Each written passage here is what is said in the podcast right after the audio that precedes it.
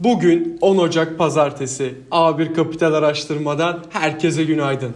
Fed'in neredeyse maksimum istihdam hedefine uygun bir iş gücü piyasası ve hızlı yükselen aynı zamanda kalıcı olan enflasyonist baskılar nedeniyle Mart 2022'de ilk faiz artırımını işaret eden toplantı tutanaklarının yarattığı oynaklıkla geçen bir haftayı geride bıraktık. Oynaklığa rağmen sermaye piyasaları genelde yeşildi. Beklenenden daha hızlı ve güçlü bir şekilde gerçekleşmesi çok muhtemel olan bu faiz artışı sektör rotasyonun başta bankalar, sigortalar ve otomobil üreticileri olmak üzere değerli hisse senetleri lehine olmasına neden oldu. Güne başlarken manşette öne çıkan başlıklara baktığımızda çarşamba günü ABD'de açıklanacak kritik tüketici enflasyonu verileri öncesinde tahvil piyasalarında geçen haftaki hareketliliğin sürüp sürmeyeceği izlenecek. Goldman Sachs Fed'den bu yıl 4 faiz arttırımını bekliyor.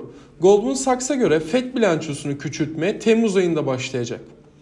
Bu haftaki kritik ABD-Rusya görüşmeleri öncesinde kaynaklara göre Biden yönetimi ve müttefikleri Ukrayna'yı işgal etmesi halinde Rusya'ya ihracat kontrolleri uygulamayı değerlendiriyor.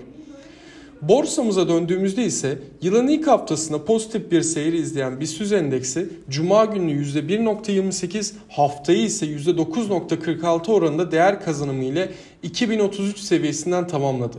Hafta boyunca sanayi sektörü hisseleri endekste yaşanan güçlü yükselişe öncülük ederken özellikle hafta boyunca zayıf bir görünüm sergileyen banka hisselerine cuma günü gelen güçlü alımlar pozitif havayı arttırdığını düşünüyoruz.